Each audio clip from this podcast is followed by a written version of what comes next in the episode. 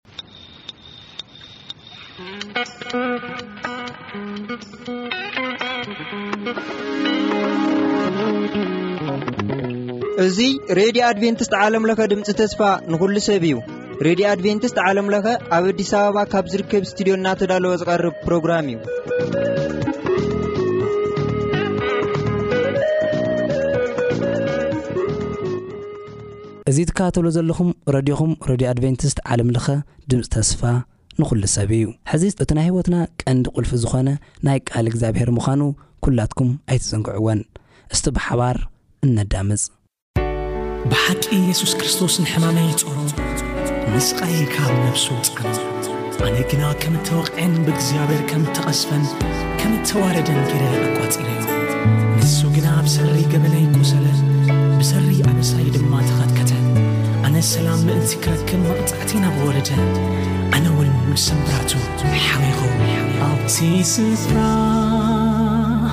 ኣታኽልቲ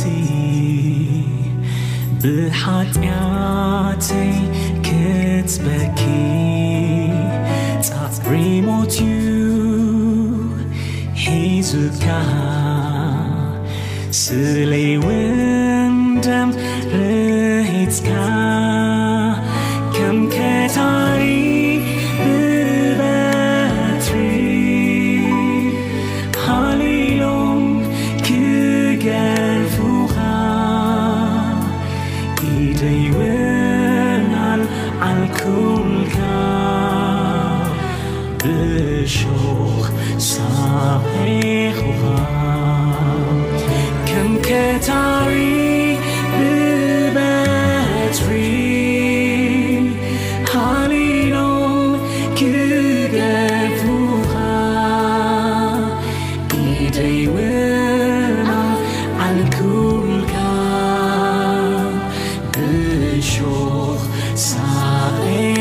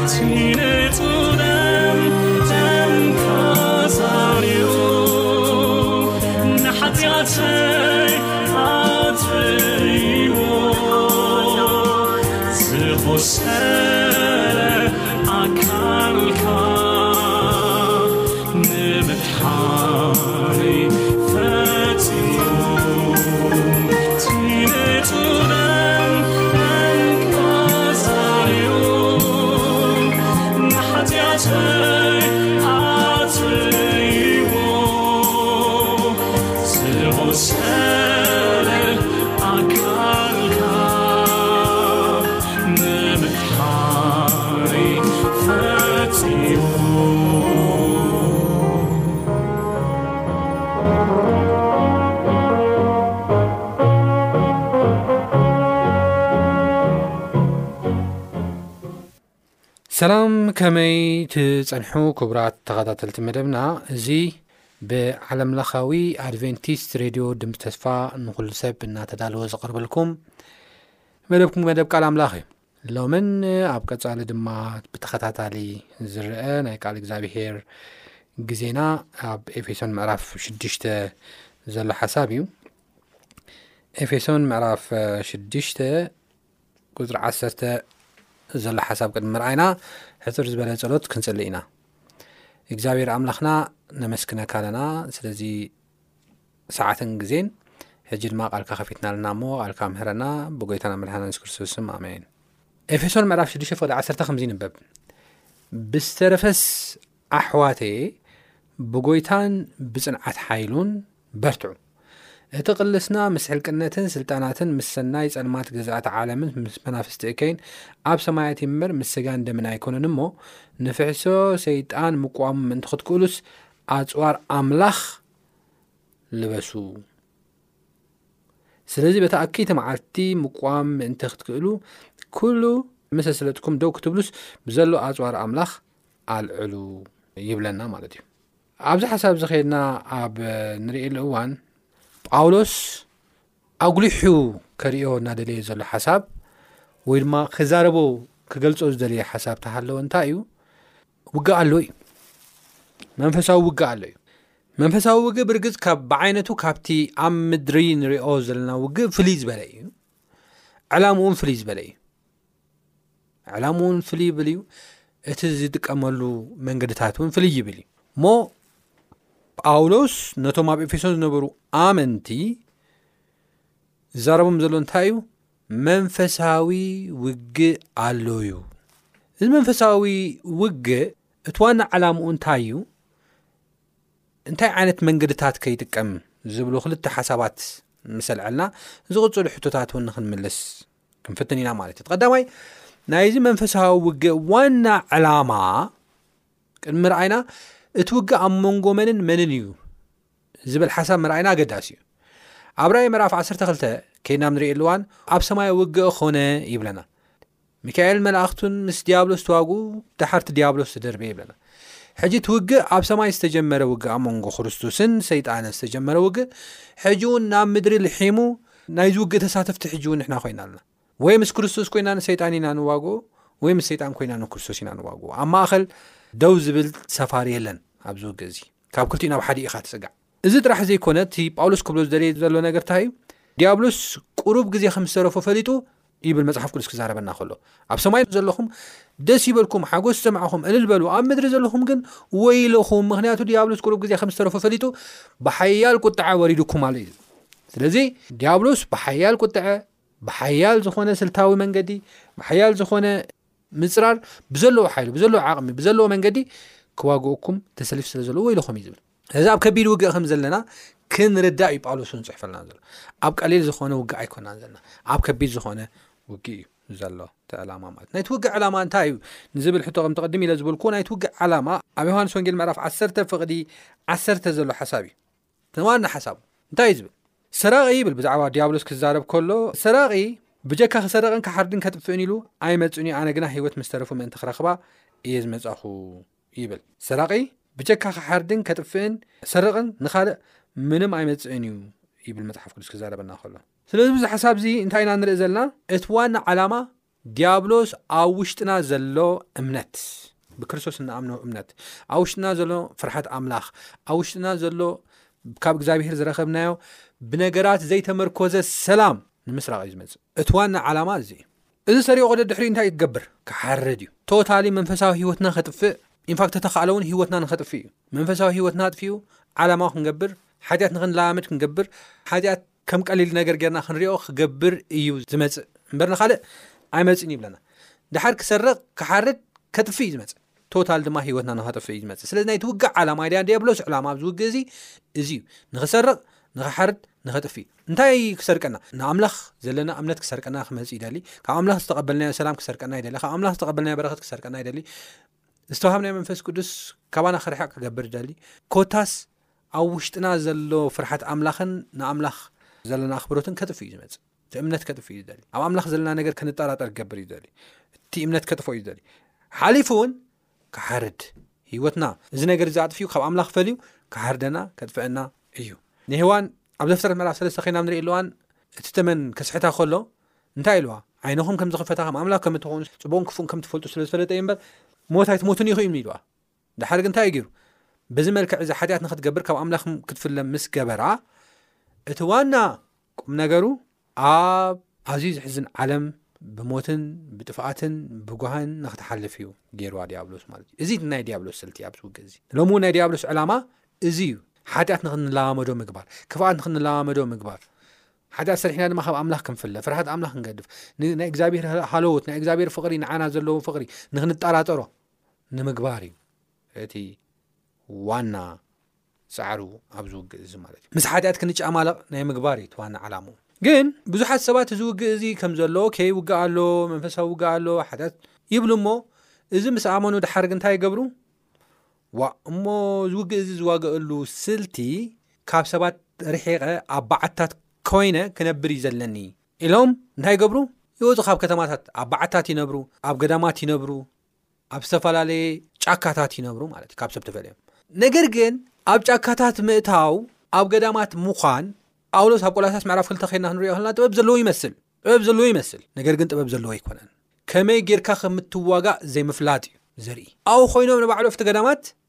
ሰይጣን ይፍትኖም እዩ፣ ካብ ሓጢኣት ክርሕቁ ኣይክእሉን እዮም፣ ኣብ ኣዝዩ ተስፋ ምቑራጽን ኣብ ኣዝዩ ሽግርን እውን ከም ዘውድቖም ሰይጣን እዩ ዝነግረና ማለት እዩ። ገዳም በይኖም ኮይኖም ንባዕሉ ማለት ከመይ ገይሩ ሰብ ኣብ ዘይብሉ ሰብ ኣይኮነን ትፈታኒ መጽሓፍ ቅዱስ ክዛረበና ከሎ ቅልስና ምስ ሰብ ተዝኾን ካብ ሰብ ምርሓቕ መፍትሒ ክኸውን ይኽእል ነይሩ ሕጂ ግን ቅልስና ይብለና መጽሓፍ ቅዱስ ኬና ንርኢ ኣለዋ ቅልስና ምስ ሕልቅነትን ምስ መናፍስትን እዩ እዩ ዝብለና ዘሎ ስለዚ ካብ ሰብ ተፈሊኻ ኣብ ገዳማት ኣብ ጫካታት ኣብ በዓትታት ምእታው መፍትሒ ክኸውን ኣይክእልን እዩ ከምኡ እዩ ዝብል መጽሓፍ ቅዱስ እንታይ እዩ ዝብል እቲ ቅልስና ምስ ሕልቅነትን ስልጣናትን ምስ ናይ ጸልማት ገዛእቲ ዓለምን ምስ መናፍስቲ እከይን ኣብ ሰማያት እምበር ምስ ሰጋን ደመን ኣይኮነን እዩ ዝብለና ዘሎ እዚ ከመይ ጌርካ ከም ትቃለስ ዘይምፍላጥ እዩ ናብ ገዳማትን ናብ ጫካታትን ምእታው ማለት እዩ የሱስ ክርስቶስ እኮ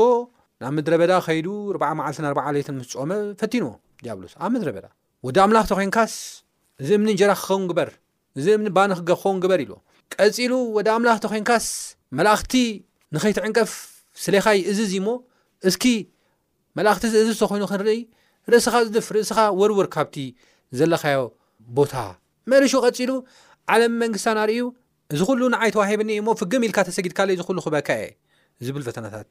እዩ ፈቲኑ ኣብ ባዶ ከሎ ማለት ማንም ሰብ ኣብ ዘይነበረሉ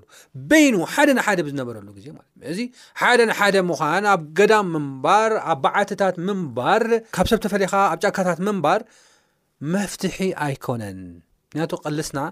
ምስ ስጋን ደምን ኣይኮነ ምስ ሕልቅነትን ምስ መናፍፍስቲ እከይን ምስ ገዛእቲ ፀልማት ዝዓለም እዚኣን እዩ ኢትቑም ነገር ሕራይ እዚ እንተ ደኣ ኮይኑ ከመይ ገርና ኢና ሞክንዋጋእ ዘለና ከመይ ጌርና ኢና ክንሓልፎ ዘለና? ኣብዚ ውግእዚ ከተዓወቲ ክንከውን ንኽእል ብኸመይ እዩ? እቲ መራሒና እቲ ጐይታና የሱስ ክርስቶስ ስዒሩ ወጺኡ። ብኡ ኢና ሰዓርቲ እንኸውን። ብርግጽ ግን ከመይ ጌርና ከም እንዋጋእ ክነገረና ከሎ መጽሓፍ ቅዱስ ኣብዚ ውግእዚ ከመይ ጌርና ክንስለፍ ከም ዘለና ክነገረና ከሎ እንታይ ይብል? ስለዚ በታ እክይቲ መዓልቲ ምቅዋም ምእንቲ ክትክእሉ ወይ ድማ ደው ምባል ምእንቲ ክትክእሉ ኩሉ ምሰ ስለጥኩም ደው ምባል ምእንቲ ክትክእሉ ብዘሎ ኣጽዋር ኣምላኽ ኣልዕሉ እዩ። በቃ ደው ክንብል ዝኽእል ኣብዚ ውግእ እዚ ተዓዊትና ክንወጽእ ንኽእል ኣብዚ ውግእ እዚ ታይ እዩ እቲ ነጥቢ ዘሎ ኣጽዋር ኣምላኽ ምልዓል እዩ መብዛሕትና ኣብ ኤፌሶን ምዕራፍ 6 ካብ ዓሰርተ ክሳብ ዒስራ ተጠቒሱ ዘሎ ኣፅዋር ኣምላኽ ተባሂሉ ተጠቒሱ ዘሎ ኣፅዋር ሙሉእ ብምሉእ ኣይንኽደኖን ኢና ወይ ድማ ኣይንዕጠቖን ኢና ፍርቂ ኢና ንዕጠቕ ፍርቂ ድማ ንገድፎ ፍርቂ ንገብር ፍርቂ ኸኣ ኣይንገብርን ኢና ማለት እዩ። ጳውሎስ እዚ ዓይነት ምሳልያዊ ሓሳብ ዝሃበሉ ዋና ዓላማ ከይድና ንርእየሉ እዋን ካብ ኣብቲ ግዜ እቲ ዝነበሩ ናይ ሮማ ወተሃደራት እዮም። ናይ ሮማ ወተሃደራት ሙሉእ ዋልታ እዩ ነይርዎም፣ እግሮም እውን ዝሽፍን ዋልታ እዩ ነይርዎም፣ ቁራዕ ርእሲ ነይርዎም፣ ሰይፊ ነይርዎም፣ ድርዒ ነይርዎም፣ ዕጣቕ ነይርዎም፣ ሳእኒ እውን ነይርዎም ማለት እዩ። እዝን ካልኦትን ዓይነት ዕጣቓት ነይርዎ ዝዕጠቕዎ ነገራት ዝለብስዎ ነገራት ነይሩ ስለዚ ካብኦም ወሲዱ እዩ ኣብ ውግእ ክስለፍ ከለካ እስኻ ውን በዚ ናይ ሮማ ወተሃደር እንኳን ተርእናዮ እዚታት ክትገብር ክትክእል ኣለካ ኢሉ ዝተዛረበ ምክንያቱ ይብል ኣብ ቀዳማይ ጴጥሮስ ን ከይና ንሪኢ ኣለዋን ዲያብሎስ ውሕጦ ደልዩ ከምዚ ጓዝም ኣንበሳ ኣብ ዙርያኩም እንታይ ይገብር ኣሎ 24 ሰዓት ይዘውር ኣሎ እዩ ዝብለና ስለዚ እታ ብሕታዊት ዘለና ኣማራፂት ኣፅዋር ኣምላኽ ዮም ብዘሎ ኣፅዋር ኣምላኽ ምልዓል እዩ ዝዛረበና ብዘሎ ኣፅዋር ኣምላኽ ኣልዕሉ እዩ ዝብለና ፍርቂ ኣፅዋር ለቢስካ ተኸዲንካ ተዓጢቕካ ምውጻእ ካብ ሰይጣን መጥቃዕቲ ከድሕነካ ኣይክእልን እዩ። ቁራዕ ርእሲ ገዲፍካ ዋልታን ሰይፍን ጥራሕ ጫማን ጌርካ ሳእንን ጥራሕ ጌርካ ምኻድ ካብ ናይ ጸላኢ ምንትግ ወይ ድማ ካብ ናይ ጸላኢ ጦራት ከድሕነካ ክስውረካ ኣይክእልን እዩ። ስለዚ ካብ ናይ ጸላኢ ጦር ከድሕነካ ዝኽእል ብምሉእ ኣጽዋር ኣምላኽ ክትለብስ ክትክደን ከለኻ እዩ። ንዲያብሎስ ተቋቆሞ እዩ ዝብለና ኮንፍሮንት ግበርዎ። ካባኻትኩም ክርሕቕ እዩ ኮንፍሮንት ተገርኩሞ ባዕሉ ክርሕቕ እዩ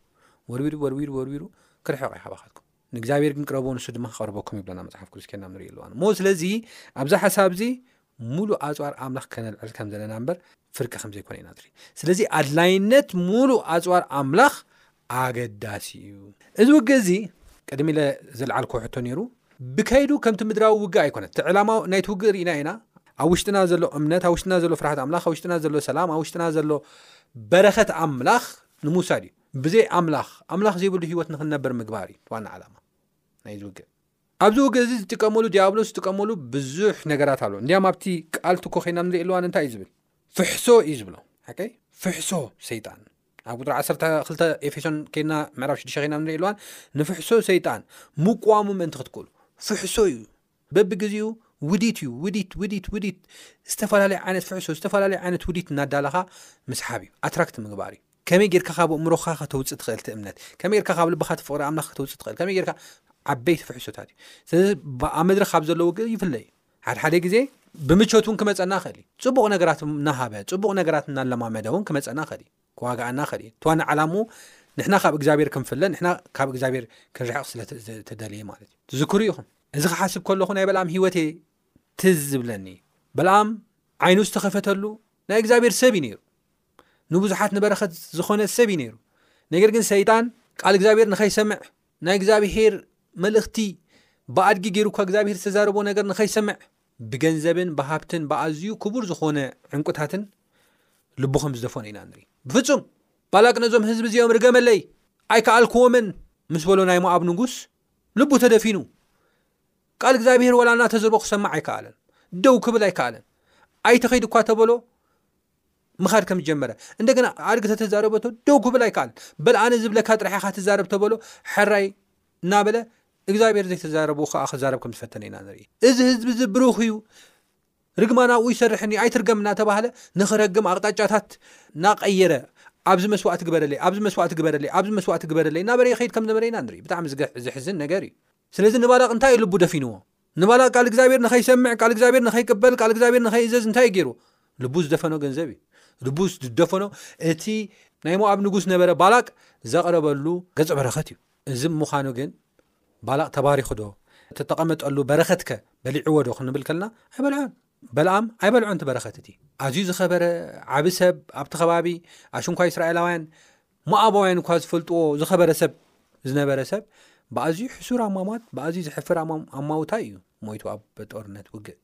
ንብዙሓት ድማ ናይ ሞት ምኽንያት ከም ዝኾነ ናርኢና ንርኢ ተን ገንዘብ ንኸረክብ ኢሉ ማለት እዩ ሰይጣን መጀመርያ እቲ እምነቱ እቲ ኣብ ቃል እግዚኣብሄር ዝነበሮ እምነት እዩ መጀመርያ ብቕርሺ እንታይ ገይርዎ ሸርሺርዎ እቲ እግዚኣብሄር ዝነበሮ እምነት ኣብ ቃል እግዚኣብሄር ዝነበሮ እምነት ምስ ሸርሸሮ ብገንዘብን ብትገፀ በረክት ዝህቦን መጨረሻ እንታይ እዩ ገይርዎ ኣጥፊእዎ እዩ፣ ሓሪድዎ እዩ፣ ንኽመውት እዩ ገይርዎ። ስጋዊ ሞት ጥራሕ ኣይኮነን፣ እቲ መንፈሳዊ ሞት እውን ክመውት እዩ ገይርዎ። ንሱ ጥራሕ ዘይኮነ ንብዙሓት ናይ ሞት ምኽንያት እውን ክኸውን እዩ ገይርዎ ማለት እዩ፣ ዓቢ ዓወት ማለት እዩ። ስለዚ ናይ ሰይጣን ውዲት እዚ እዩ። ናይ ሃናንያን ሰጲራን እውን ኣብ ግብረ ሃዋርያት ከምኡ ብተመሳሳሊ ብገንዘብ እዩ መጺዎም። ናይ ኣካን እውን ኣብ መጽሓፈ እያሱ ኸይና ንረኽቦ ኣካን እውን ካብቲ ናይ ኣህዛብ ወርቂ ኮነ ንብረት ዝኾነ ይኹን ነገሮም ርኹስ እዩ እግዚኣብሔር ዘይከብረሉ እናተባህለ ኣካን ግን እንታይ ገይሩ ወርቂ ዓብ ድያመን ዓብይ ዝኾነ ነገር ዝኸበረ ነገር ረኪቡ እንታይ ገይርዎ ሓብዎ እግዚኣብሔር መቕዘፍቲ ምፅ እዩ ድሓር ንስሓ እተው ረመን እዩ እግዚኣብሔር መቕዘፍቲ ደው ከብለልናስ ግደፉ እኳ እናተባህለ ናይ ንስሓ ዕድል ንኣካን እኳ ተዋሂብዎ እዚ ናይ ንስሓ ዕድል ንከይጥቀመሉ ልቡ ዝደፈኖ ነገር እቲ ካብ ከነኣናውያን ዝረኸቦ ክቡር ወርቅን ንብረትን እዩ ግን በሊዕዎ ዶ ኣይበልዖን ግን ናይ ንስሓ ዕድል ነይርዎ ናይ ንስሓ ዕድል ንኸይጥቀም ናይ ቃል እግዚኣብሔር ንኸይሰምዕ ልቡ ዝደፈኖ ግን ኣካን ንሱ እዩ ነይሩ መጨረሻ ንኣካን ወፂኡ ምስ ቤተሰቡ ከም ዝተጠፍዐ ኢና ንርኢ ሃናናን ሰጲራን እውን ከምኡ ሃናን ሰጲራን ካብ እግዚኣብሔር ክሓቡ ከም ዝፈተኑ በዚ መልክዕ እዚ ድማ መቕዘፍቲ ከም ዝመፆም ኢና እዚ ኩሉ ናይ ሰይጣን ውዲት እዩ እዚ ኩሉ ናይ ሰይጣን ፍሕሶ እዩ ገንዘብ ተረኺብካ ገንዘብ ተሃሊካ ብቃ ውሑስ ኢኻ ሃፍታም ኢኻ ትኸውን መፃኢኻ ዝተባረኸ ድልዱል እዩ ዝኸውን ብዝብል እእሚኑ ናብ ጥፍኣት ናብ ሞት ናብ ቅዝፈት ከም ዝኾነ ኢና ንርኢ እዞም ሰባት እዚኦም ካብ በልኣም ጀሚርና ድሓር ናብ ኣካን ካብ ኣካን ጀሚርና ናብ ሃናን ሰጲራን ኬናም ንሪእሉ እዋን እዞም ሰብኣይን ሰበይትን ሰለስቲኦም ብኣዝዩ ዝሕፍር ኣማውታ እዮም ሞይቶም ብዘሰቀቕ ኣማውታ እዮም ሞይቶም ተቐዚፎም እዮም ቆሬዳታን ኣቢራሙን ተመሳሳሊ ንስኻትኩም እኮ ምሁራት እኳ ኢኹም ቆሬ ኣቢራም ዳታን ንስኻትኩም ዘይትመርሕሉ እንታይ ምክንያት ኣሉ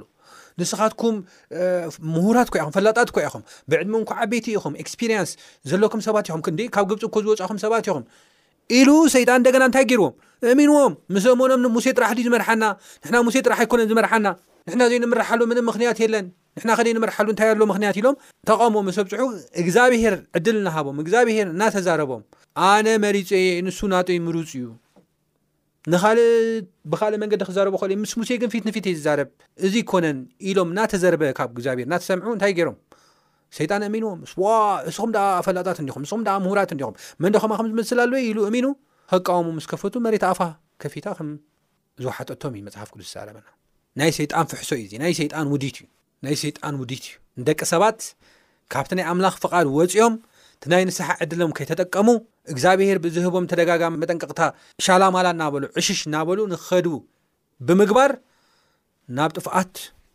ዘውርዶም ናይ ሰይጣን ፍሕሶ እዩ ቅድም ኢለ ከምቲ ዝበልክዎ ብስጋዊ ሞት ጥራሕ ኣይኮኑን ሞይቶም እዚኦም ሰማያዊ ዕጭኦም እውን ኣዝዩ ኣስጋእ ብዝኾነ ነገር እዮም ጠፊኦም ምክንያቱ ናይ ሰሓ ዕድል ክጥቀምሉ ይከኣሉ ብመቕዘፍቲ እዮም ሞይቶም ናይ ጥፍኣት ምክንያት ንካልኦት እዮም ኮይኖም ከም በዓል በላም ዝኣመሳሰሉ ስለዚ ናይ ሰማይ ዕጭኦም እውን ከም ዝሰኣኑ እዩ መፅሓፍ ቅዱስ ዘረዳኣና ማለት እዩ ናይ እግዚኣብሔር ስራሕ ኣብ መወዳእታ እንታይ ከም ዝኾነ ኣይፈለጥናን ግን ንስሓ ከይኣተው ዝጠፍኡ ሰባት ከም ዝኾኑ ኢና ንርኢ ማለት እዩ ስጋውን ስኢኖም እቲ ዝሓስቡ ዝነበሩ ሃብቲ ኮነ ክብሪ ስልጣን ኮነ ዝና ከይረኸቡ ከይበልዕዎ ከም ዝፀፉ ኢና ንርኢ ሰይጣን ግን ቧ ክትበልዖ ትኽእል ኢኻ እዚ ኮ ተወሲድካ ኮ መፃኢኻ ንብዙሕ ዓመት ክትነብር ትኽእል ኢኻ እዚ ኮ ተጌርካ ኮ ንዘለኣለም ክቡር ኮንካ ዝነኛ ኮንካ ኢኻ ኮ ትነብር ናበለ ይእሚኖ ሓንቲ መዓልቲ ከይበልዕዋ ሓንቲ መዓልቲ እንጆይ ከገበርዎ ብናይ ሰይጣን ሓሳብ ብናይ ሰይጣን ውዲት ተታሎም ከም ዝጠፍኡ ኢና ንርኢ ማለት እዩ ብዝኾነ እቲ ውግእ ከምዚ ዓይነት እዩ ሰይጣን ብውዲቱ ንሰባት እንታይ ገይሩ ይእምን ምድራዊ ዝኾነ ነገር እናርኣዩ ምድራዊ ዝኾነ ነገር እናርኣየ ሃንቀው ንክብሉ እናገበረ እዩ ዝገብር ማለት እዩ ስለዚ ሓሳብና ምድራዊ ክኸውን ይብሉን ሓሳብና ምድራዊ እንተ ኮይኑ ኣብ ምድራዊ ነገር ተተኺልና ንነብር እንተ ኮይና ኣሸጋሪ እዩ ናብ ሰማይ ክንገብር ኣለና ኣብቲ ቃል ኣምላኽ ዓዒንትና ክንገብር ክንክእል ኣለና ኣብ ያቆብ ምዕራፍ ሰለስተ ፍቕሪ 1ሓ ክሳብ 16 ዘሎ ሓሳብ ስታ ይብለና ከምዚ ይብለና ኣብቲ ቕንእን ሻራን ዘለዎ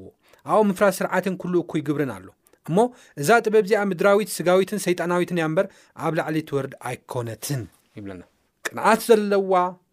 ሻራ ዘለዋ እንታይ እዚኣ ምፍራስ ስርዓት ኣለዋ ኣብኡ ኸኣ ኩሉ እኩይ ግብሪ ኣሎ እዛ ጥበብ እዚኣ ኸኣ ምድራዊትን ስጋዊት ሰይጣናዊትን እያ እምበር ካብ ላዕሊ እትወርድ ኣይኮነትን ይብለና ስለዚ ሓሳባቶም ምድራዊ ዝኾኑ ኩሎም ብናይ ሰይጣን ከም ዝታለሉ ኢና ንርኢ ሓሳባትና ምድራዊ ክኸውን የብሉን ኣብ ቅንእን ሻራን ክንኣቱ የብልናን እዚ ነገር ግን ሓደ ካብቲ ፅዋር ኣልባስ ካብቲ ሙሉእ ናይ ጦር ልብሲ እግዚኣብሄር ዘዳለወልና እዩ ማለት እዩ ስለዚ ዓይነቱ ትውግእ ይፍለ እዩ ንምባል እዩ ዝኩሉ ሓሳብ ዝምፅ እዩ ሰይጣን ጠቓሚ ብዝመስል ብዘብለጭልጭ ነገር ንዓና ናብ ሓደ ደረጃ ዘምጽእ ነገር ኣምሲሉ ዝእምነና ሓሳብ ኣሎ። ናብ ኣእምሮና ዘምጽኦ፣ ናብ ስምዒትና ዘምጽኦ፣ ናብ ህይወትና ዘምጽኦ፣ ናብ ቤተሰብና ዘእትዎ ነገር ኣሎ እዩ። በዚ እቲ ሓሳብ እቲ ስለዚ ሕድሕድ ናይ ሰይጣን ፍላጻታት ጽቡቕ ዝመስል ነገር ግን መጥፍኢ ሓሳባት ክንሕሎ ተኮይና ሙሉእ ኣፅዋር ኣምላኽ ክንክደን ክንለብስ ክንክእል ኣለና እዚ ፅዋር ኣምላኽ እዚ እንታይ እዩ ንዝብል ንሱ ጥራሕ ገሊጸ ኣብ ዝቕጽል ብዛዕባ እቲ ጽዋር ኣምላኽ ብደንቢ ጌርና ክንርኢ ኢና ማለት እዩ ኣብ ኤፌሶን ምዕራፍ 6 ዘሎ ሓሳብ ብምሉእ እቲ ጽዋር ኣምላኽ ሓንሳብ ርኤ ተኣሽሙ ክገብር እዩ እቲ ቀዳማይ ዕጥቂ እዩ ዝብለና ዕጥቂ ሓቂ እቲ ካልኣይ ድርዒ እቲ ሳልሳያ ሳዕን እቲ ራብዓይ ድማ ሰይፊ ዋልታ ከምኡ ውን ካልኦትን ዕጥቅታት ኣለዉ እሞ እዚ ዕጥቅታት እዚ እንታይ እዩ ኣብ ዝቕፅል ኬና ክንርኤና ኣብ ዝቕፅል ክትከታተሉና እላቦ ክሳብ ዝቕፅል ሰላም ኩኑ